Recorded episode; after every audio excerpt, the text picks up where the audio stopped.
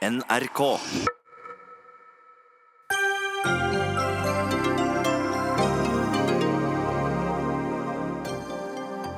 Valgflesket til Arbeiderpartiet er så fett at prisen blir opp mot 25 milliarder kroner, har Høyre regnet seg fram til.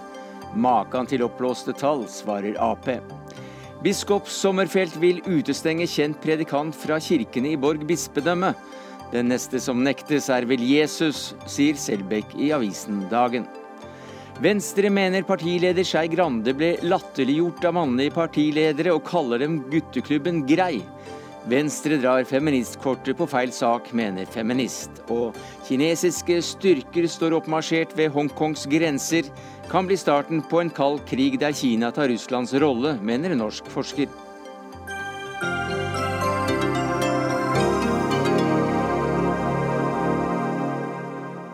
Ja, Det er noen av sakene i Dagsnytt 18 denne fredagen, der vi også lar en operasanger synge ut om hvorfor norsk presse skriver for lite om opera. Men vi starter med norsk politikk i disse valgkamptider, for Høyre har eh, tatt fram kalkulatoren og gjort sitt eget regnestykke over hvor kostbare valgkampløftene til Arbeiderpartiet egentlig er. Og I Dagbladet i dag kan vi lese at løfter som gratis skolemat, gratis SFO og gratis tannhelse med mer vil koste rundt 25 milliarder kroner. Og Torbjørn Røe Isaksen, næringsminister med ledelsen i Høyre, hva vil dere med dette regnestykket? For det første så er det mellom 19 og 25. Det er en del anslag der hvor, eh, hvor vi har både, både, laveste anslag og høyeste anslag. Jo, jo. Og det vi, det vi, har lyst til å vise, er rett og slett at Arbeiderpartiet har veldig mange kostbare løfter. og Et av adelsmerkene til eh, både Arbeiderpartiet og Høyre har jo vært at man har lagt fram løfter som man eh, vet man kan holde. Men her har rett og slett summen av løfter blitt så stor at det er vanskelig å se hvordan Arbeiderpartiet kan holde løftene uten at du skal ha en enda kraftigere skatteskjerpelse enn det de allerede har lovet fra før. Eventuelt at skatteskjerpelsen må komme i kommunene isteden. Ja, hva sier du til det, Rigmor Aasrud? Du er finanspolitisk talsperson og stortingsrepresentant for Arbeiderpartiet. Ja, Det er helt riktig at eh, Arbeiderpartiet har større ambisjoner enn det Høyre har for eh, velferden for folk flest. Det er jo derfor vi satser på gratis skolemat, SFO for førsteklassinger, at flere skal få ta del i tannhelse eh, på statens regning. Men 25, 25 milliarder kroner, er det, det riktig? Det, ja, ja altså, jeg syns det er uh, oppsiktsvekkende at Høyre er så dårlig til å bruke kalkulatorene sine. For det er jo store feil i de beregningene de gjør. De vet ikke hvordan vi har beregna Kulturløftet. De tar med veldig mye mer inn i den summen. Man bruker helt andre tall enn det som er erfaringstall når det gjelder skolemat. Og sånn kan vi gå gjennom de forskjellige områdene etter område. Vi har kontroll på budsjettene våre. så Vi har vist gjennom de seks åra vi har vært i opposisjon at vi har brukt mindre oljepenger. Vi har ikke behøvd å ty til flypassasjeranlegg og avgifter og poseavgifter. Vi har heller ikke gått så langt at vi har begynt å foreslå at vi skal ta mm. investeringer under streken for å øke oljepengebruken. Bør du få inn skolepengene dine, Torbjørn Røe Isaksen? I alternativt budsjettet til Arbeiderpartiet sist så brukte dere mer oljepenger, men la nå det være. Men, men, la oss gå litt inn i det vi har regnestykkene våre, da, for det, det, kan være litt interessant. Når det gjelder Kulturløftet, så har vi rett og slett brukt utgangspunktet det Arbeiderpartiets politikere, eller alle de rød-grønne sa for, i Aftenposten for et, det var like før sommeren. 3,2 milliarder opp til 1% av BNP. Ja, men, gjelder, gjelder, også, men så har, så har Rigmor Aasrud og Arbeiderpartiet én ting som jeg mener er verdt for folk å merke seg. For Det hjelper jo ikke å være ambisiøs eller ha høye ambisjoner hvis ikke løftene dine henger på greip. Og det er at Dere har i mange eh, måneder, faktisk år, lovet at det skal komme mer penger til kommunene. Og Hvis man ser på finansinnstillingen som Aasrud selv har vært med på, altså der man legger fram hva man vil bruke pengene til i Stortinget, så har dere brukt opp de ekstra pengene til kommunene kommunene.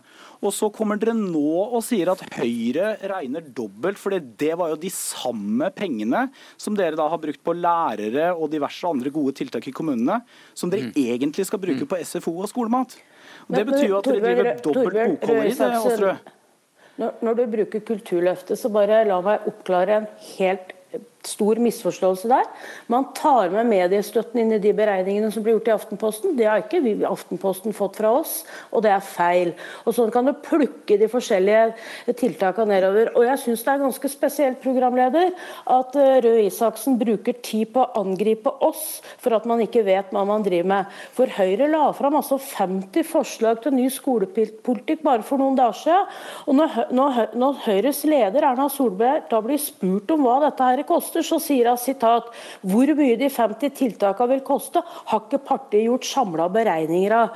Det viser jo at Høyre, som sitter med masse mm. kalkulatorfolk og seg, heller ikke gjør riktige beregninger. Mener, det, var, det var ikke 50 nye tiltak, det var samla tiltak hvorav noen både er gjennomført og noen skal gjennomføres, eh, som skal bidra til lavere frafall i skolen. Men jeg lurte bare på om jeg kunne få svar Åsrød, på det helt konkrete spørsmålet mitt. for det Arbeiderpartiet har lovet da 3 4 milliarder ekstra til kommunene. I Stortinget så har dere brukt opp hver eneste krone av det.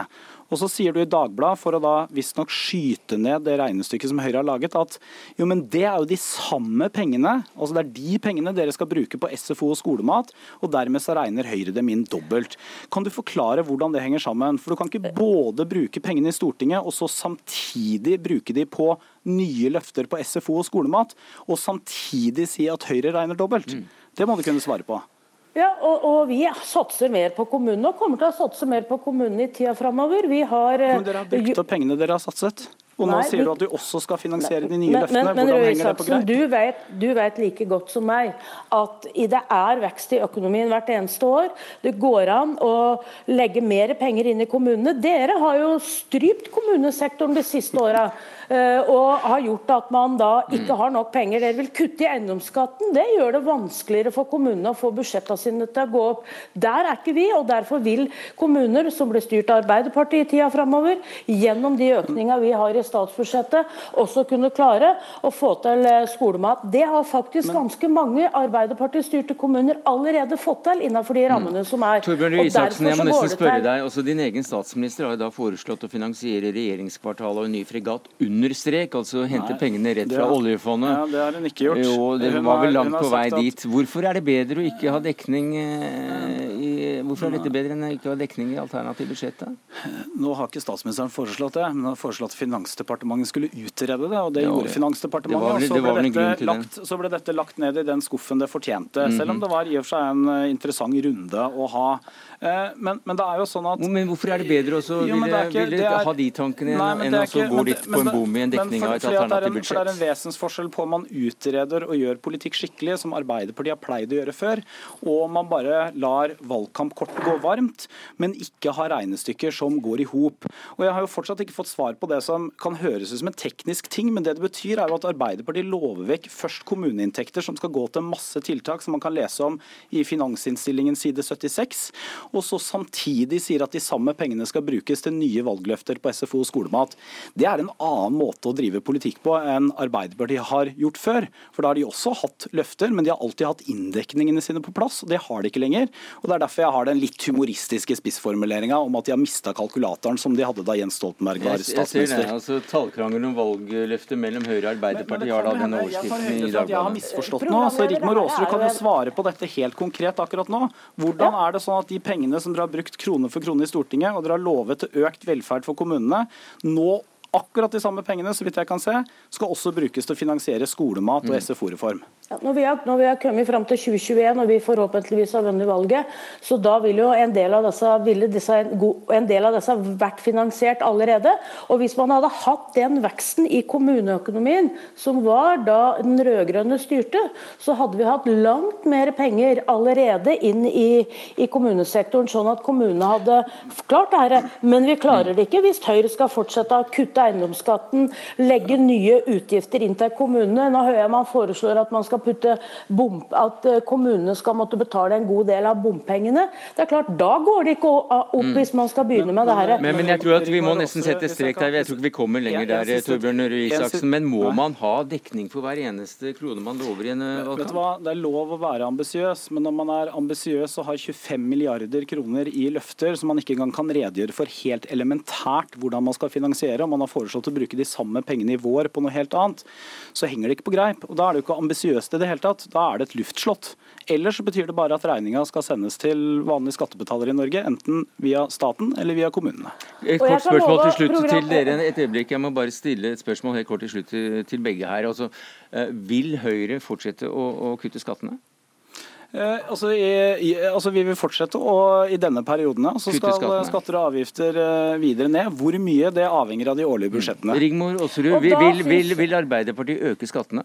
Ja, det kommer vi til å gjøre, og det ligger i vårt alternative budsjett. Men når Røe Isaksen sier at man skal fortsette å kutte skattene, da burde også Røe Isaksen kunne si noe om hvilke velferdsgoder som skal mm. kuttes. Er det mer på arbeidsavklaringspenger? Er det pendlere som skal fortsette å betale mer? Hvem er det som skal ta regninga det tar vi eh, i neste runde, Rigmor Aasrud, stortingsrepresentant for Arbeiderpartiet. Takk skal du ha, Torbjørn Røe Isaksen, næringsminister fra Høyre.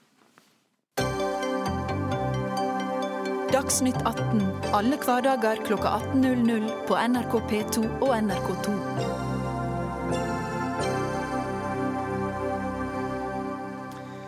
Ja, vi skal til eh, Hongkong, der demonstranter okkuperte en av verdens travleste flyplasser eh, denne uka. Kina sendte som kjent styrker mot grensen til eh, Hongkong, og kalte protestene for terroraktige. Til helgen er det igjen ventet store demonstrasjoner. Allerede har flere millioner demonstrert siden uroen i denne omgangen for alvor begynte for ti uker siden. Og Harald Bøckmann, du er gjesteforsker ved London School of Economics. Du er nestoren blant norske Kina-forskere. Hva sier du til denne situasjonen? Det var eh, det, Hva skal man si? Det, den er eh, kanskje ikke så dramatisk som eh, det er blitt hevdet, at nå er det like før eh, Peking sender inn troppene sine. Det er liksom det er det som har kommet høyere og høyere opp på agendaen, og det er også pga. det som har kommet fra Peking, men det tviler jeg faktisk på. Jeg har prøvd å finne en god del argumenter for at kinesiske soldater skulle marsjere inn i Hongkong, og eh, det er mest argumenter mot. Mm. Hva er argumentene for? Ja, det er mange altså, Det viktigste er lærdommen fra 89, fordi det var en katastrofe. Da sendte Kina unge soldater, vettskremte mange av dem, til å uh, skyte ned Pekins befolkning for å rense Tiananmen-plassen. Dette lærte de av. Så de har utdannet en stor uh, uh, kan du si, ny paramilitær hær som heter Folkets væpnede politi. Og hvis de går inn i Hongkong, så er det de som kommer til å gå inn. Nå har riktignok Kina en symbolsk styrke på 7000 soldater i Hongkong. Den har de vært, den kom inn, marsjerte inn i 97, da Hongkong kom tilbake. Så, så, den er der, men den er liksom bare den, er, den, tror jeg ikke de kommer til å røre, med mindre det er noe helt Så det er, det er folkets væpnede politi som skal inn, og de er mye flinkere til å kontrollere folkemengder enn det vanlige soldater er. Øystein Tunsjø, du er forsker ved Institutt for forsvarsstudier. Hva er de største forskjellene og likhetene mellom det som skjedde for da 30 år siden eh, i Tianmen-plassen og, og Hongkong i dag? En av de opplagte forskjellene er jo at eh, demonstrasjonen i 89 foregikk i hovedstaden i Kina. Eh, foran portrettet av Mao. På Tiananmen-plassen. Eh, og det var jo en direkte trussel mot eh, regimet i Beijing. Disse protestene foregår eh, relativt sett langt unna. Og det er en viktig forskjell. I tillegg så er det andre forskjeller som går på at økonomien, altså hele Hongkong som en drivkraft bak investeringer og økonomi, er særdeles viktig for å opprettholde stabilitet i Kina i dag. Den type spørsmål sto heller ikke på agendaen i 89. I tillegg vil jeg også fremheve at i Hongkong befinner det seg en rekke, eh, tusenvis av utenlandske statsborgere som kan havne midt oppi et eh, blodbad som da eh, kinesiske myndigheter må ta ansvaret for hvis de skulle rykke inn med som Harald her eh, nevner, folkets eh, væpnede mm. eh, politi. Eh, og, og det er selvfølgelig mange flere forskjeller, eh, men, men, jeg tror kanskje det er tre svært eh, viktige forskjeller. Møkman, du skrev en kronikk i Aftenposten med tittelen 'En varslet konflikt mellom Hongkong og Kina'. Men den er jo datert 2.10.2014. Så hva er nytt i dagens situasjon i forhold til den runden med konflikter vi så i 2014?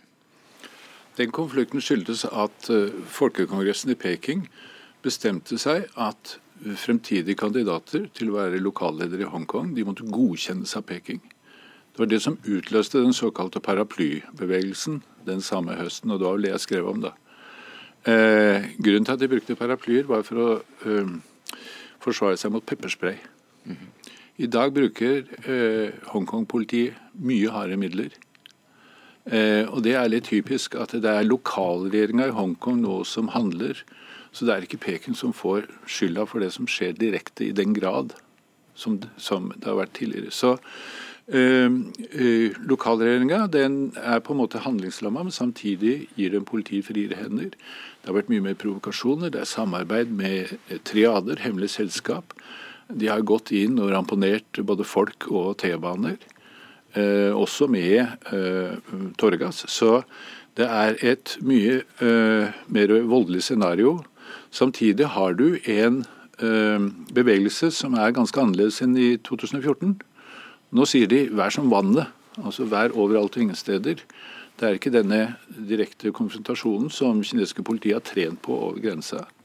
Så det er en mye mer kompleks, krevende situasjon. Men det som er, viktig, det som er sentrale, er at det er, nå er det fremdeles den lokalregjeringa i Hongkong som på en måte eh, bærer eh, politikken, men de, de, de er også, også, samtidig nesten handlingslamma, bortsett fra den voldelige eh, undertrykkelsen. Og En god del av det sivile statsapparatet er jo også kan du si, med på disse eh, kan du si, demonstrasjonene som har funnet sted.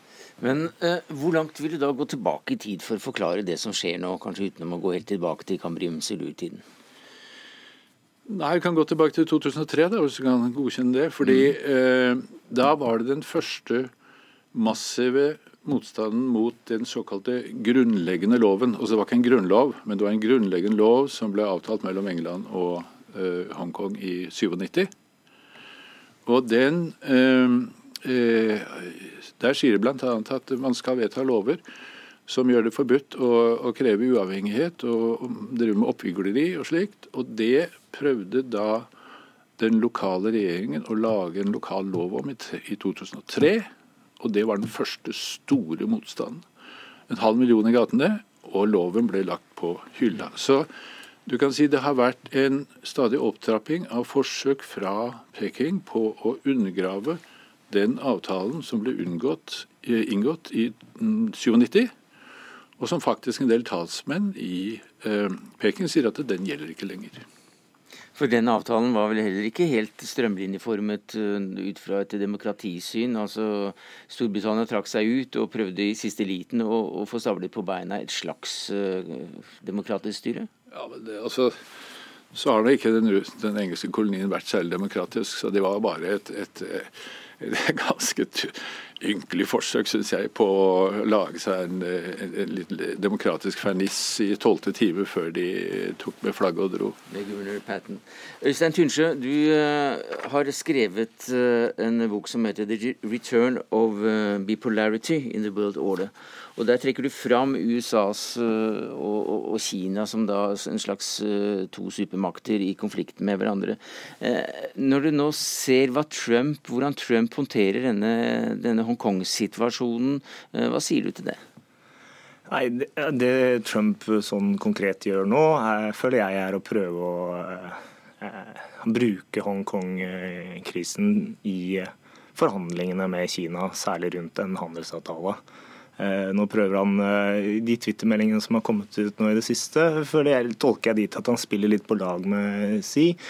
Presidenten i, ja, presidenten i, i, Kina eh, prøver å si at han er i kontroll, dette fikser han på Trumps sin sedvanlige uh, måte. Uh, men samtidig så, så, er jeg også altså, Dette er jo et debattstudio, og jeg er ikke uenig i det Harald sier om at Nei, jeg, jeg prøver ikke å Beijing skape har veldig mye å tape på å gå inn militært i Hongkong, men skulle, skulle det, det skje og og, og det jeg kanskje er litt uenig i, er at Tiananmen 89 er en katastrofe sett fra våre øyne, men sett fra kommunistpartiets ledere sine øyne, Eh, og, og, da særlig haukene i, i, kommunistpartiet i Kina, så var Tiananmen eh, en, en vellykket eh, militæraksjon. For å ivareta stabilitet og for å ivareta kommunistpartiet, ettpartistaten. Så, så, så, sånn sett så er det klart, hvis Kina blir presset til det, og jeg tror ikke vi er helt der ennå, men, men, men skulle det skje, så, så, tror jeg vi skal forberede oss på at de er villige til å bruke mm. militærmakt. Men du ser da dette i et litt større perspektiv også, nettopp som en del av, av spillet som, som, du går langt i å, å forutse da kan uh, føre til en ny kald krig, men da mellom med Kina, som da uh, tar plassen til Russland, for så vidt. Ja. Hvordan kan Hongkong leses inn i det? Nei, jeg tror som jeg var inne på, så Nå i første omgang så prøver Trump å bruke dette som et forhandlingskort i handelskrigen med Kina.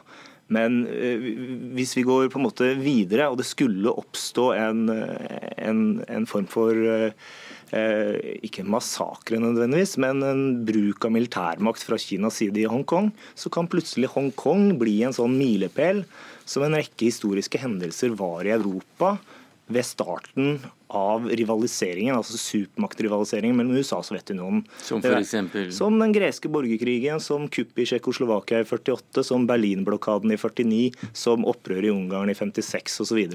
Alle disse hendelsene her sementerte den supermaktrivaliseringen som da ble den kalde krigen. Og Skulle man få en sånn situasjon hvor kinesiske myndigheter går inn med militærmakt i Hongkong, så kan Hongkong bli, sammen med en situasjon på Taiwan, eh, situasjonen i Sør-Kina-havet, andre hendelser, lignende milepæler som, som på en måte forsterker og sementerer den supermaktrivaliseringen vi nå ser mellom USA og Kina. Og Derfor er det en ekstra god grunn da til å følge ekstra godt med? Ja, absolutt. Dette vil gi en indikasjon på, på den retningen, mm. og det bærer. Takk skal du ha, Øystein Tunsjø, forsker ved Institutt for forsvarsstudier. Harald Bøckmann, gjesteforsker ved London School of Economics, og også en av nestorene blant norske Kina-forskere.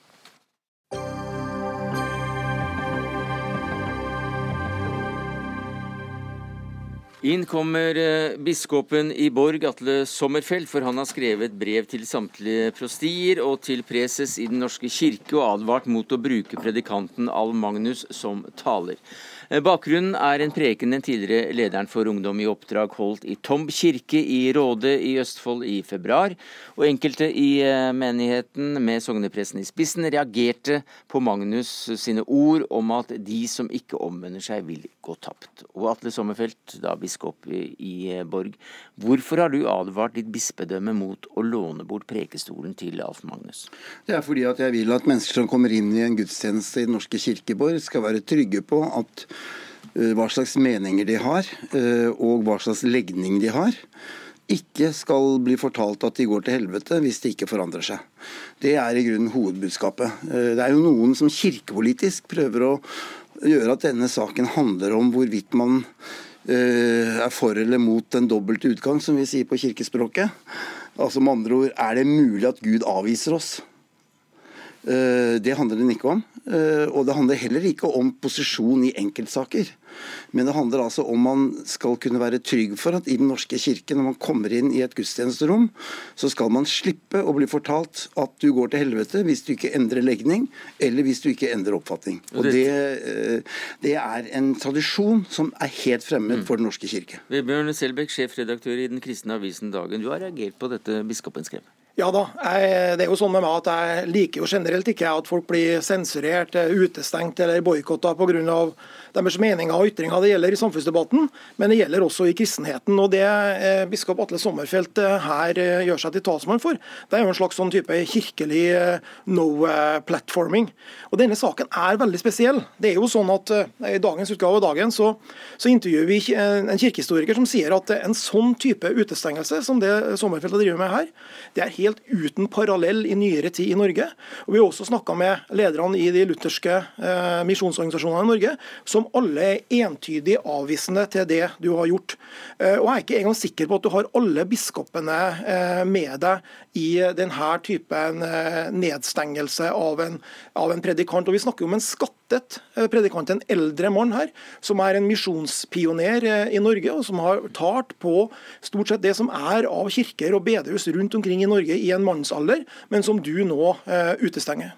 Ja, Det er jo nettopp fordi han har et stort navn, og fordi det er mange som tror at det han presenterer har noe som helst med nytestamentlig Jesusforkynnelse å gjøre, som gjør at jeg må sette ned og at jeg advarer mot forkynnelsen. For han er helt på viota når det gjelder eh, den forkynnelse han hadde. Og Han har jo også en helt feil tolkning av den teksten han hadde foran seg. Han påtar seg Guds rolle. Det har han ikke. Og Når du eh, sammenligner han nærmest med Jesus, så vil jeg si at du drar ganske langt. Og det, jo, du, jo, du har sagt at det neste som skal stenges, er Jesus. Og sånt er jo bare tøv. Men kan jeg, bare, bare, bare si hadde problemer fortalt i, eh, i bispedømmet ditt med den, eh, med den terskelen du setter. Det er jo bare tull, som du vet. Det er klart at, fordi at Poenget er jo at Magnus ikke forkynner sånn som Jesus gjorde, tvert om. Uh, Jesus har jo en veldig klar lignelse. uh, når tolleren og synderen kommer til kirken, så er det sånn at uh, den skriftlærde, altså den religiøse lederen som Malf Magnus faktisk er, sier jeg takker Gud for at det ikke er som han som står nederst. Og det er jo akkurat den forkynnelsen Magnus gjør i denne forkynnelsen. altså, det der er jo- Og så Et øyeblikk, vi må nesten høre altså, nei, nei, er Et jo- øyeblikk, vi må nesten få Selbekk her. Ja. Altså, dette er jo en helt uh, bevisst vranglesning av den prekena. Den ligger ute på dagen.no i sin helhet, så alle kan lese den og, og dømme sjøl. Det er du som gjør det til en helvetespreken, Atle Sommerfelt. Jeg har sjekka. Ordet helvete står jo ikke i den prekenen eh, i det hele tatt. Dette er snakk om en helt vanlig omvendelses- og vekkelsesforkynnelse som har dype røtter i norsk kristenhet, og ikke minst i det området der du er biskop, i Østfold, som jo er Hans Nilsen Hauges gamle område. Og Vi husker jo Hauge hadde problemer med de geistlige, og du setter deg jo sjøl inn i den tradisjonen ved å fortsette utestengelsen av vekkelsesforkynnere. Det er jo bare patetisk å sammenligne Magnus med Hans Nilsen Hauge. Og punkt to, dette er jo ingen utelukkelse av en vekkelsesforkynnelse. Men det er, og det er, det er riktig, han bruker ikke ordet helvete, han bruker ordet du helvete Han sier at vi skal brenne. Ugresset skal brenne. Altså, det er var jo Jesus som snakker om det i Matteus Ja, men Jesus sier det skal Gud bestemme, og ikke Magnus. Og så er det en helt annen side ved dette, og det er at uh, i kirken så er det selvfølgelig sånn at kirkens prekestol under en ordinær gudstjeneste, den har faktisk en begrensning på hvem som kan være der. Uh, det vil være slik at hvis du kommer på en prekestol i norske kirke og forkynner hjemdåp, så er du ikke velkommen og får beskjed om at det kan du ikke gjøre. Hvis du kommer på en prekestol i Den norske kirke og forkynner en herlighetsteologi, altså det at du skal bli frelst bare du ber nok og tror nok, det kan du ikke ha i Den norske kirke. Og for øvrig, alle de som du refererer til av de lutherske kirkelederne, de driver jo no platforming i betydelig større grad enn det jeg gjør. Og jeg, høre ja, mitt anliggende er rett og slett at folk skal være trygge på at i kirken så får de ikke møte en predikant som stemper dem, Mm. og hvor du peker på andre og ikke deg selv. Nå er det jo sånn eh, Atle Sommerfelt, at det heter jo så fint at det skal være plass til, til to syn i Den norske kirke, også når det gjelder samlivsetikken. Det skal det gå an både å stå for og forkynne. Men det har jo du avskaffa i vår bispedømme nå, når, eh, når du utestenger Alf Magnus. Også, Du begrunner det også med at han har et annet syn på ekteskapet, at det er mellom mann og kvinne. Så du bryter jo helt og holdent med Kirkemøtets eget vedtak om at det skal være mulig å forkynne dette budskapet som Alf Magnus gjør eh, i denne prekenen. Det, for det første er det helt feil. Eh, Poenget her er at Den norske kirke har nettopp to syn. Og vi, Det betyr at vi da har respekt for at folk har ulike syn, og da sender vi ikke hverandre til helvete. Men det gjør og det, ikke han jo. Magnus sier at eh, 80 av Det norske kirkemøtet må omvende seg fordi de skal, må endre syn på denne saken. Dessuten må homofile endre seg, og de som er transkjønnet, det høres ikke hjemme.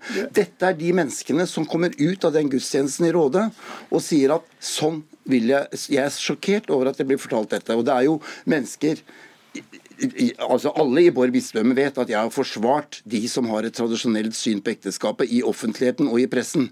Så det er det ingen tvil om. Alf Magnus er velkommen til å komme og ha den meningen han måtte ha, men han kan altså ikke stemple andre uh, som har annen type oppfatning, og si at de er ugress som skal komme i ildovnen. Ja, men altså, det, det har han jo ikke. Det, det, nei, men han har nei, men vet du- du er jo redaktør, du kan jo lese. Det, er nettopp det jeg kan. Og så ser jeg, og jeg kan litt om lesing, og jeg kan litt om tolkning. Og du tolker alt i verste mening. Du tolker det eh, på en måte for å eh, utestenge denne skattede forkynneren. Det setter eh, jeg ikke noe særlig pris på, og det ser jeg med stor tilfredshet at det er en ganske stor enighet i Kristen-Norge om at dette er å gå for langt. Det er, man, man driver ikke med sånt i, i, i Kristen-Norge. og utestenge denne type eh, forkynnere, som er eh, godt likt, og som har eh, forkynt det samme budskapet gjennom et langt liv. Men nå er det altså stopp i vår bispedømme. Desto verre. Desto verre. Og vi vet jo, og du vet jo, og du har jo fortjenestefullt i dagen påvist hvilke skader og sår som den type forkynnelse har påført unge mennesker. Vi sliter jo med det ennå. Og jeg snakker med mange, mange mennesker som har blitt utsatt for akkurat denne forkynnelsen. Og hvorvidt Alf Magnus har gjort det eller ikke, det vet jeg ikke. Men det har skjedd mye i Ungdom i oppdrag i hans tid som har skadeskudd folk. Og jeg vil ikke ha det sånn i Den norske kirke. Og jeg syns jo for så vidt, ærlig talt, det vet jo du også, at jeg vil jo ikke bli invitert av ledelsen i Misjonssambandet til å holde forkynnelse på bedehuset der. Det var jo det første halvåret før jeg hadde vært, nesten hadde vært biskop. Så fikk jo lokalforeningen beskjed om at nei, Sognfeld kan vi ikke ha. Så at de kommer og presenterer dette som noe nytt i norske kristenliv, det er jo virkelig hykleri. Vi har eh, prøvd å få kontakt med Alf Magnus uten å lykkes, men eh, Vebjørn eh, Selbekk, sjefredaktør i Dagen, du har talt hans sak, og Atle Sommerfelt, biskop i Borg, du har heller ikke tid i denne forsamlingen. Nei, Takk skal dere ha. Takk skal du ha.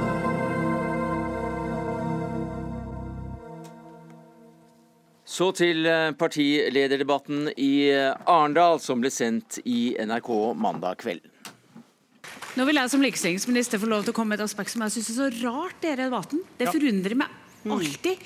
Det er sånn, hvis vi går på, hvis vi går på, hvis vi går på opplegg som menn tjener på. Hvis det er gravemaskiner, hvis det er IT-sysselsatt Da er det greit å tjene ja, penger på anbud. Det er jo kvinnene som taper Men er det forskjell på gravemaskiner og, og passe på unger? Hvorfor er det, er det forskjell å grave i jorda og passe på unger? Og når kvinner er grundig? Fordi det er forskjell på å grave med en gravemaskin i jorda og passe på barna våre. Ja, For den som eh, ikke ser på Dagsnytt 18 eh, på TV, så var dette altså Venstre-leder Trine Skei Grande som uh, ble avbrutt av de mannlige partilederne Bjørnar Moxnes, Audun Lysbakken og Jonas Gahr Støre. Og som følge av dette så har da Venstre i sosiale medier snakket om at gutteklubben Grei avbryter likestillingsministeren idet hun skal snakke om kvinnelige gründere. Og Guri Melby, du er stortingsrepresentant for Venstre da. Eh, du er en av flere eh, venstrefolk som har delt dette klippet på Facebook, og du har gjort det under overskriften 'Menn som avbryter kvinner'. Hvorfor er dette så galt? Eh, altså det her er jo dessverre ikke noe sånn enkeltstående eller nytt fenomen. Eh, I valgkampen i 2017 så gjorde Håkon Rikele, som jobber for Civita, en sånn opptelling fra partilederdebatten om hvem det var som avbrøt hvem. Og Der fant jeg ut at mennene, eh, mye mer enn kvinner, avbrøt. Eh, og Samtidig så fikk de ofte også positiv respons da, fra kommentatorene på det. Mens dersom kvinner innimellom var litt sånn frampå og avbrøt, så ble de eh, anklaga for å være masete eller kjeklete. Eh, og jeg synes Det er litt viktig å påpeke det her, for jeg mener at det påvirker det offentlige ordskiftet. Jeg mener også at det påvirker hvem som har lyst til å bli politikere. Det er flere menn enn kvinner som har lyst til å bli politikere. Det syns jeg er synd når vi nå står ved inngangen til et lokalvalg. Og jeg merka meg også at heller ikke den gangen her her så var det noen i kommentatorkorpset som jeg fikk med meg som kommenterte akkurat det her. Det var mange som snakka om at det var mye avbrytelser, men denne situasjonen her, der da både Støre, Vedum og Moxnes i hvert fall, jeg tror også Lysbakken kasta seg på, avbrøt Trine Skei Grande, snakka oppå henne. Og ikke bare avbrøt dem, men de, det var også en sånn hånlig latter der. Ja, Vi, vi, vi så, jo klipp og, og hørte lyden der. Så jeg det var ganske drøyt, faktisk. Mm. Og da mener jeg det er på sin plass å påpeke det. Line Aas Eng, du er samfunnsdebattant, du er rådgiver i reklamebyrået Pol. Hvordan mener du at eh, Venstre prøver da å spinne på denne saken? Det jeg reagerer på altså Vi kan begge være enige om at avbrytelser både mot menn og kvinner er eh, ødeleggende for en politisk debatt. Men det jeg reagerer på, det er hvordan Venstre misbruker feminismen. Fordi de sier at de står på barrikadene for kvinnelige gründere, og at det var det Trine Skei Grande prøvde også å argumentere for her, når de forsvarer kommersielle aktører i velferden. Eh, men realiteten er jo at de kommersielle i velferden kutter i lønn og pensjon.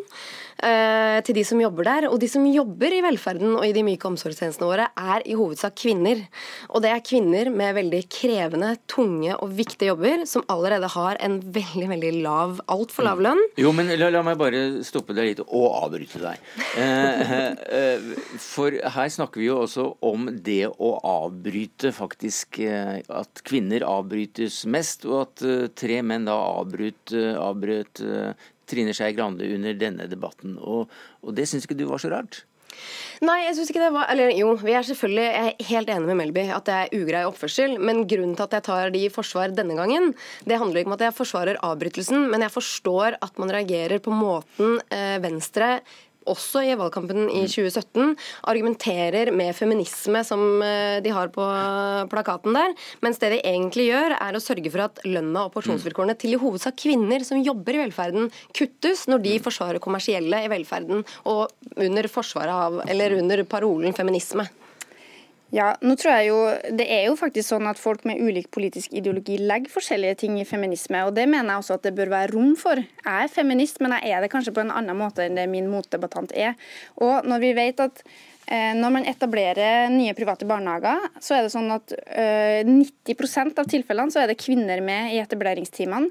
Det er ti ganger så mange kvinner som menn som leder barnehager. Eh, og vi vet også at over 95% av de private barnehagene, av ansatte i private barnehager er tilknyttet vanlig tariffavtale. Det betyr at de har helt vanlige lønns- og arbeidsvilkår som en veldig stor mengde nordmenn mm. har. Dette er ikke noe sånn utnyttelse av arbeidskraft. Dette er rett og slett kvinnearbeidsplasser. Det er kvinner kvinner som har skapt en arbeidsplass for seg og noen til. Og det mener jeg mm. faktisk er viktig å forsvare. Og jeg har møtt mange sånne kvinner. Senest på mandag møtte jeg en kvinnelig barnehagebestyrer som sa at hver gang noen snakker om velferdsprofitører, så føler hun seg truffet, hun føler seg angrepet. Hun lager en god arbeidsplass for seg sjøl mm. og noen andre kvinner, og ikke minst en god barnehage for og mange barn. Og dermed så har vi forlatt akkurat det vi begynte med, nemlig denne debatten og avbrytelser. Men eh, la oss ta, si nei, la, oss, la oss ta en runde på, på hva som er det feministiske prosjektet i, i akkurat eh, kvinnelige gründere, eller at det ikke var det. Mm. Nei, altså Venstre og Høyre for den saks skyld ble jo tatt i 2017 da de besøkte en, eh, en eh, barnehageaktør som de skulle da presentere som en eh, såkalt velferdsprofitør. Det var bare det at denne aktøren var ideell, og det har vært en av hovedproblemene i debatten. Hvordan høyresida tilslører den ved å ikke skille mellom private ideelle og private kommersielle aktører. Og det som da skjer, det er at alle de små enkeltstående barnehagene, som gjerne er kvinner, de blir kjøpt opp av store konsern som er eid av menn hovedsakelig, og internasjonale oppkjøpsfond av milliardærer i USA og andre. Eh, og de presses ut av sektoren. Og de som må betale for det, det er de hovedsakelig kvinnene som arbeider i, på gulvet i barnehagene. I tillegg til at de kutter bemanningen. Det har eh, mm. Telemarksforskning påvist, bestilt av regjeringen som Melby sitter i selv. Eh, hvor de bekrefter det, at de driver ikke mer effektivt, men de har lavere bemanning. Så de øker arbeidspresset på de hovedsak kvinnelige mm. medarbeiderne i barnehagene. Så og det ikke denne saken seg om eh, kvinnelige gründere, men, eh, men eh, tvert imot at det er store oppkjøpere og profittjegere som da har laget arbeidsplasser for kvinner, ja vel, men som ikke har det så godt. Fortsatt så er det da sånn at over halvparten av de private barnehager er enkeltstående barnehager som ikke er del av noe kjede. Noen av dem er ideelle, noen av dem er også AS, sånn som den jeg besøkte i Risør på mandag. Det er ikke en ideell barnehage. Hun som driver den, har mulighet til å ta ut overskudd. Dersom hun selger den, så har hun også mulighet til å ta profitt på det. Men da er det også verdt å nevne at hun har da jobba i denne barnehagen i årevis. Hun har brukt av fritida si til å pusse opp barnehagen. Hun har tatt opp personlig gjeld for å sørge for at den barnehagen eh, fungerer godt for ungene. Og det at hun f.eks. da noen år kan få lov til å ta et litt større overskudd for å nedbetale den gjelda, det mener jeg faktisk er helt rett og rimelig. Og det som er interessant da, er jo at SV og Arbeiderpartiet, to av de partiene som nå definerer det her som velferdsprofitører, som de, var her. De var jo blant dem som inviterte disse aktørene inn da vi mm. trengte å bygge ut masse barnehageplasser på 90- og tidlig 2000-tallet. Og nå skal man da si at den jobben de gjør, ikke er bra nok. Det her er kvinnelige gründere. De fleste som leder private barnehager, er okay. kvinner. De kvinnelige gründerne de blir spist opp av kommersielle aktører pga. kommersialiseringen. Og når du snakker om tariffavtale, Melby, så er det sånn at en nyutdanna helsefagarbeider på et kommunalt sykehjem har en minstelønn på 364 000 kroner i året på et kommunalt sykehjem. Det er en lav lønn i utgangspunktet. Så er denne nydelige tariffavtalen som du skryter av, hos de kommersielle, der er minstelønna 283 000 kroner. Hvis du mener at det er en god deal for de som jobber der, å gå ned over 80 000 kroner i lønn når du går fra kommunalt til kommersiell, det tror jeg ikke de er enig med deg i. i. Og det er i hvert fall den type feminisme jeg står for. At vi må se på hva som er best for kvinner totalt sett. Ikke at du har klart å finne kanskje én kvinnelig aktør som er på toppen av et eller annet barnehagekonsern. fordi de som driver f.eks. de store konsernene innen kommersiell, kommersiell eldreomsorg, det er Stendy, som er eid av amerikansk milliardær mm. Henry Kravis og George Roberts. Det er Unicare, som er eid av et norsk milliardærektepar. Og så er det Attendo, et børsnotert svensk selskap. de er og Nolandia, Roger Adolfsen. Men, eh, men det er min forpliktelse til å si at de ikke er her. Sånn at vi, de kan ikke forsvare seg. Ja. Men Nei, uh, hvis, hvis, vi, hvis, hvis, vi, drar alt sammen tilbake da, til, til, den debatten som vi så et utsnitt av og hørte et utsnitt av, uh, burde disse partilederne, de mannlige, avbryte Skei Grande?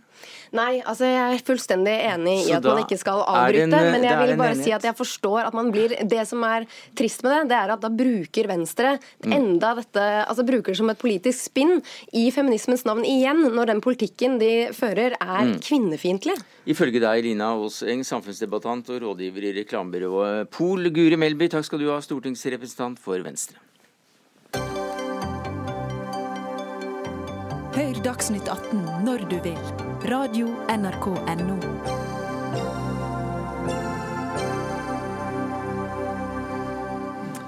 Ja, I høst blir eh, de nye reglene for studielån innført. Eh, nå må studentene fullføre hele utdannelsen på normert tid for å få 40% av lånet omgjort til stipend.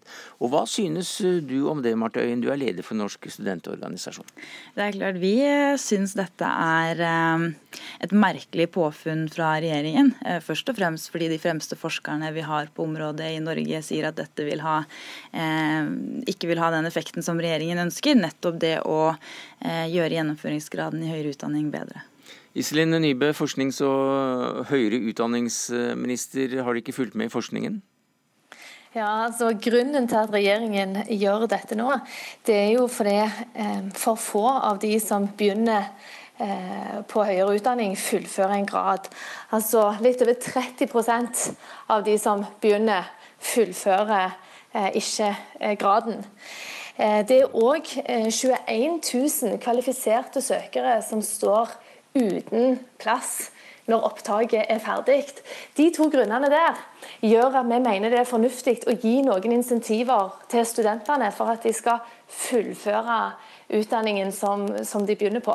Og så, det jo, eh, så forstår jeg jo godt at, at, studentene har sin agenda, men for regjeringen så er det viktig i et samfunnsperspektiv å få flere gjennom mm. utdanningen. Men det er òg viktig for den enkelte at de fullfører, med tanke på den formale kompetansen de sitter med etterpå, og den lønna de skal ha når de går ut i jobb. Øyen.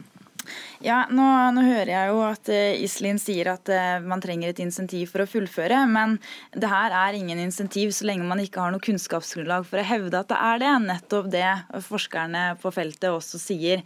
Dette er ikke noe annet enn et sparetiltak uh, for regjeringen, og vil på ingen måte øke gjennomføringsgraden i høyere utdanning. Nybø. Ja, det er jo, Dette er jo et insentiv. sånn at Hvis alle nå som begynner på høyere utdanning i høst, fullfører den graden som de begynte på, så vil vi jo heller ikke spare noen penger på dette. Så dette er et økonomisk insentiv for å få mm. flere igjennom. Men regjeringen gjør ikke bare dette for å få flere igjennom. Regjeringen mener jo at det er viktig at studentene har gode økonomiske vilkår mens de studerer. Derfor så er ikke, eh, Når du studerer, så vil du fortsatt få det samme utbetalt. Du vil faktisk få mer som følge av at det er denne regjeringen som har styrt de siste seks årene. For studentene får nå over 11 000 mer utbetalt mens de studerer, enn de ville gjort uten de økningene. Og I tillegg så styrker vi kvaliteten i utdanningen. Vi har sagt vi skal men akkurat, Unnskyld at jeg avbryter deg igjen, jeg beklager det, men ja, Det må du eh, nesten, men, siden jeg er på, rad, eller på ja, link her. Ja, jeg må det. For, for du drar inn eh, alle tiltakene som, eh, som, regjeringen går inn for. Så vi går over til deg, Trond Blindheim. Du er dosent ved Høgskolen i Kristiania. Og I en kronikk i Aftenposten så skriver du at utdanninger som ikke etterspørres i arbeidslivet, bør få mindre støtte. Ja, og det har sammenheng med hvordan studiefinansieringen er i dag, eller støtte til høyskoler og universitetene. Det er slik at eh, støtten øker når du produserer mye studiepoeng, og for å produsere mye studiepoeng så må du ha mange studenter. Da blir det mange penger på instituttene og på universitetene. Og eh, Da blir det slik at eh, opptaket blir veldig høyt. Og Hvis vi ser på årets opptak, så var det altså 121 000 kvalifiserte. 99 000 ble tilbudt studieplass, men bare 50% fikk plass på sine førstevalg. De resterende 50% fikk plass, altså 49 000 studenter fikk plass altså på annethvert tredjevalg, fjerdevalg, enten i byer eller på studier de ikke er så motivert for å ta. Og Dermed så får vi et stort frafall. Og det er slik som eh, kunnskapsministeren sier, at det er bare 43% som fullfører på mer tid.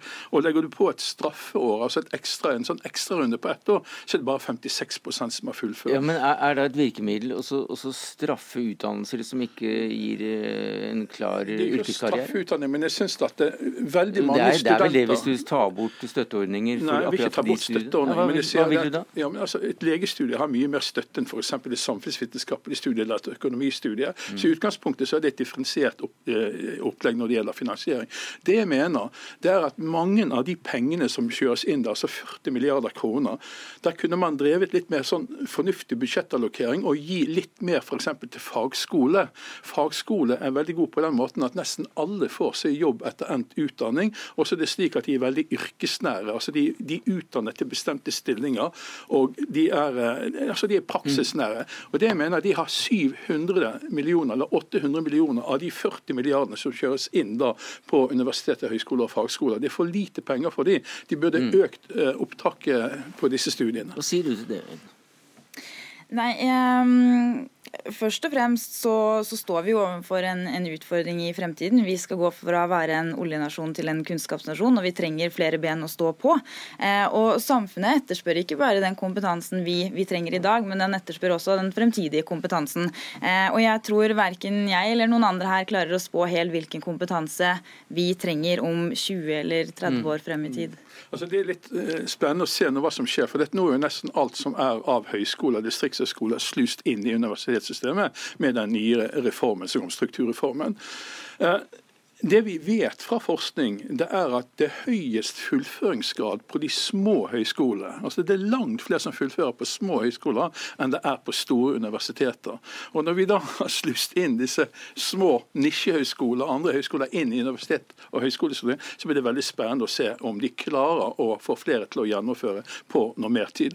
25 av de som eh, begynner å studere, de fullfører aldri utdanningen sin. Og det er veldig dårlig økonomi. Ja, Det, det går det an å forstå. men eh, du sier også da at eh, utdanninger som ikke etterspørres i arbeidslivet, ja. bør få mindre støtte. Ja. Hvilke fag er det du da tenker på konkret? Ja, altså, en kombinasjon av f.eks. noen samfunnsvitenskapelige fag, f.eks. jeg er sosiolog. Hvis jeg hadde kombinert det med f.eks. teatervitenskap, litteraturvitenskap, eh, nordisk arkeologi eller noe sånt, så er det veldig dårlige odds på arbeidsmarkedet. Så, så disse fagene bør få mindre støtte? Ja, men det er bare, det, det, altså, Vi er bare to-tre tastetrykk under Statistisk sentralbyrå, så ser vi hvor stor arbeidsledigheten er innenfor de forskjellige fagområdene. Og dette er jo kunnskap som studentene, før de velger utdanningsvei, så bør de vite litt om hvordan utsiktene er de neste tre årene. Ja, det, jeg mener jo fortsatt at vi, vi, vet jo ikke helt hva fremtiden trenger av kompetanse. og Et veldig godt eksempel på det det er jo nettopp at eh, Norge er jo eksempel veldig god på IT-utvikling. Eh, og Det er ikke fordi at eh, universitetene for flere 10-20 år siden faktisk lytta til arbeidslivet som sa at dette er kompetanse vi trenger. Det kommer nettopp fra grunnforskning gjort av universitetene, som førte til en utvikling i programmering, som igjen fører til at den skaper den IT-industrien som vi har i dag. Så man klarer klarer ikke alltid eh, å forberede seg på hva slags kompetanse fremtiden trenger. Jeg må nesten, unnskyld at jeg avbryter deg, men jeg må nesten få inn Iselin Nybø som forsknings- og høyere utdanningsminister. Hva sier du til de tankene om å om ikke straffes, i hvert fall jo, man straffer jo ved at man får mindre støtte da, til de utdanningene som ikke etterspørres i arbeidslivet? Jeg, jeg Altså jeg er enig med, med Øyen, eh, som sier at det, det, er ikke nødvendigvis arbeidslivet som vet hva vi trenger om 10 år eller om 20 år. Eh, dette må være en kombinasjon av hva arbeidslivet trenger her og nå, hva studentene er interessert i og ønsker, og hva visjoner de ser, og òg hva eh, universitetene og høyskolene har av kompetanse å tilby. Men jeg mener òg at eh, universitetene og høyskolene våre har et stort potensial til å ta mye større hensyn til hva arbeidslivet trenger, og hva behov mm. det er for det. Og Det er jo òg bakgrunnen for at eh, jeg har starta opp et arbeid med en stortingsmelding som handler om nettopp det. Altså sammenhengen eller samarbeidet mellom universitetene og høyskolene på den ene sida, og arbeidslivet arbeidsliv og næringsliv på den andre sida. Og så må jeg si en ting til som nei, gjør. nei, vi må nesten eh, få inn Blindheim her. Men du mener altså at ikke det er en veldig god idé å, å, å kutte støtten, eller redusere støtten til utdanning som ikke etterspørres i arbeidslivet i dag? Nei, for det som jeg mener er viktigere tiltak, er det som jeg nettopp ville si. Mm. At eh, regjeringen nå bruker jo 30 millioner kroner på distriktsvennlige utdanninger. Og da er jo nettopp konseptet det. At du skal finne ut hva er kompetansebehovet i de ulike Mm. regionene og, og kommunene. Og så skal arbeidslivet der gå sammen med høyskolene og universitetene og tilby studier på det som trengs der og da. Blindheim, si, et øyeblikk, vi må få en Blindheim her. Altså, et eksempel på dette. Altså, vi har jo allerede i dag såkalt bransjeråd for alle utdanninger i Norge. Og I tillegg så er det slik at, eh, at det gjøres kandidatundersøkelser på høyskoler på universiteter. og Dermed så har universitetene og høyskoler kunnskap om hvordan arbeidsledigheten og arbeidsmarkedet er innenfor de forskjellige fagområder. Et eksempel. For ikke så lenge siden gikk jeg inn og så på Fysioterapiforeningen. og Der står det at det er ca. 3600 fysioterapeuter som ikke har relevant arbeid. Likevel så tar man opp like mange fysioterapeuter i utdanningen i dag som man gjorde for kanskje ti år siden. Og en annen ting, Hvis det ikke er næringslivet og arbeidslivet sjøl som kjenner sitt eget kompetansebehov om to og tre år, så hvem er det som kjenner det da? Altså, det er jo slik at det de som kjenner hvor skoen trykker. Hva slags kompetanse er det vi trenger i vår bedrift etter denne digitaliseringsbølgen har kommet? Etter vi har fått kunstig eh, eh, intelligens og alt dette, så er det jo bedriftene sjøl som må legge på en måte premissene, og som må ha et større samarbeid med Men en som jeg mener kan se i, i eh, glasskula, det er, jo, det er jo deg. For du har jo snakket om konkrete fag som eh, ikke blir etterspurt i framtiden. Ja, altså, jeg, jeg, jeg har har jo ikke innsikt i alt hvordan etterspørsel er, men det jeg Nei, vet det er det. det er bestemte fagkombinasjoner man kan ta, hvor du blir mer dannet enn utdannet. Og jeg mener Det skal være fritt utdanningsvalg, men jeg synes at departementet kunne hatt litt mer styring, og f.eks. gjort en differensiering gjennom studiestøtten. Takk skal du ha, Trond Blindheim, dosent ved Høgskolen Kristiania. Takk til deg, Iselin Nybø, forsknings- og høyere utdanningsminister, og til Marte Øyen, leder for Norsk studentorganisasjon.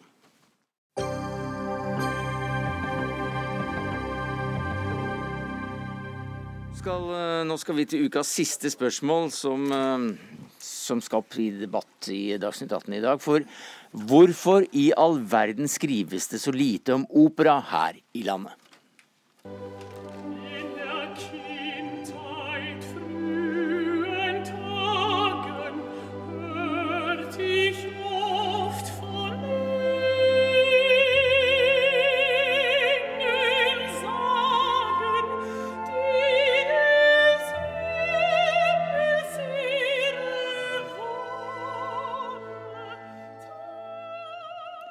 Wesendonck av Richard Wagner, Lise Davidsen og Bergen Filharmonisk Orkester. Ja, det hørte vi vel alle. Men langt fra alle er klar over at Davidsen her nylig hadde sin debut på Bayreuth-festivalen. Og hvor stort er ikke det? Christian Kroksletten, du er skribent og operasanger. Det er enormt svært. Det er, det er så stort som om at eh, vi skulle ha landslaget, herrelandslaget i fotball til å komme til VM-finalen. Altså. Det, det er så stort som det, vil jeg si. Altså. Og hva slags oppmerksomhet får du her hjemme? Eh, det er svinnende få som vet noe om hvem Lise Davidsen er. Nå er det jo noen som har fulgt opp eh, ekstra. Jeg vet at det kommer også eh, flere intervjuer med, med Lise eh, fremover, sånn at vi blir mer kjent med henne. Men Lise er ikke den eneste norske sangeren som, eh, som står i front i internasjonal, eh, på internasjonale scener. Vi har eh, flere som står sammen med henne, på sida av henne, eh, som eh, det norske folk burde vite mer om. Så ditt eh, krav til den norske presse, det er? Det er at vi eh, må styrke kulturredaksjonene, sånn at vi får mer eh, norsk kultur, mer opera, mer klassisk musikk, men også eh, billedkunst, eh, og skrive mer dybde om eh, kulturen Nå holder vi oss til opera. Ja, ja. Det er, det er, jeg får snakke be for min egen sykemor, da. Ja, mm. Cecilie Asker, du er kulturredaktør i Aftenposten, og du får forsvare norsk presse da i denne sammenhengen. Hva sier du til kritikken av at det er altfor lite operaskriving skriving om opera i norsk presse? Jeg vil gi deg delvis rett eh, i det du sier. Eh, kulturjournalistikken, og da kanskje de litt sånn klassiske sjangrene som, og litt smalere sjangrene som f.eks. klassisk musikk og opera, de har nok hatt en litt sånn tøff overgang eh, når man da har gått over til mer digital eh, journalistikk. Men samtidig så gjelder det først og fremst når det eh, kommer til klikktall, og da nå kanskje mest tabloidene, som da konsentrerer seg om klikktall.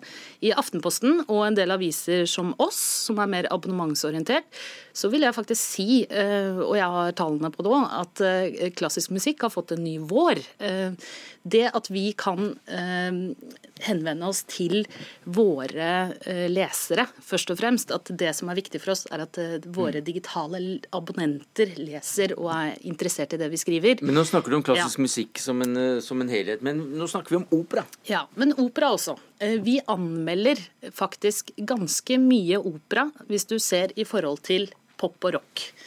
På eh, operaen så anmelder vi stort sett alle store nye forestillinger, mens vi i mm. pop og rock eh, konsentrerer oss om kanskje de aller, aller største, og ikke engang alt i Oslo Spektrum. Mm. Men er blir dette. Er dette et typisk eh, norsk fenomen, eller er det internasjonalt også? At, uh, altså, jeg, jeg, vil, jeg, vil, kanskje si at det er et, et typisk eh, skandinavisk fenomen. at vi har, altså, du, Hvis du kommer ned til uh, Tyskland f.eks., så det, vil det å, å si å annonsere at du er operasanger, da, da, da, da, havner du fremst i køen. Ikke det at jeg skal havne fremst i køen. Men Elise Davidsen er en større kjendis i Tyskland enn i Norge. Absolutt. Uh, på verdensbasis er opera mye større enn langrenn, skriver du. Ja, det er jo det. Det er, det er ikke langt unna det her, her til lands heller. Altså, det, er, det, er, langt flere som går på, på operaforestillinger og klassiske konserter enn hva det er som går på sportsarrangementer. Og sportsjournalistikken er kanskje li, li, litt, litt, litt, større enn en opera? Det er, eh, altså Faktisk så er kulturredaksjonen i Aftenposten større enn sportsredaksjonen.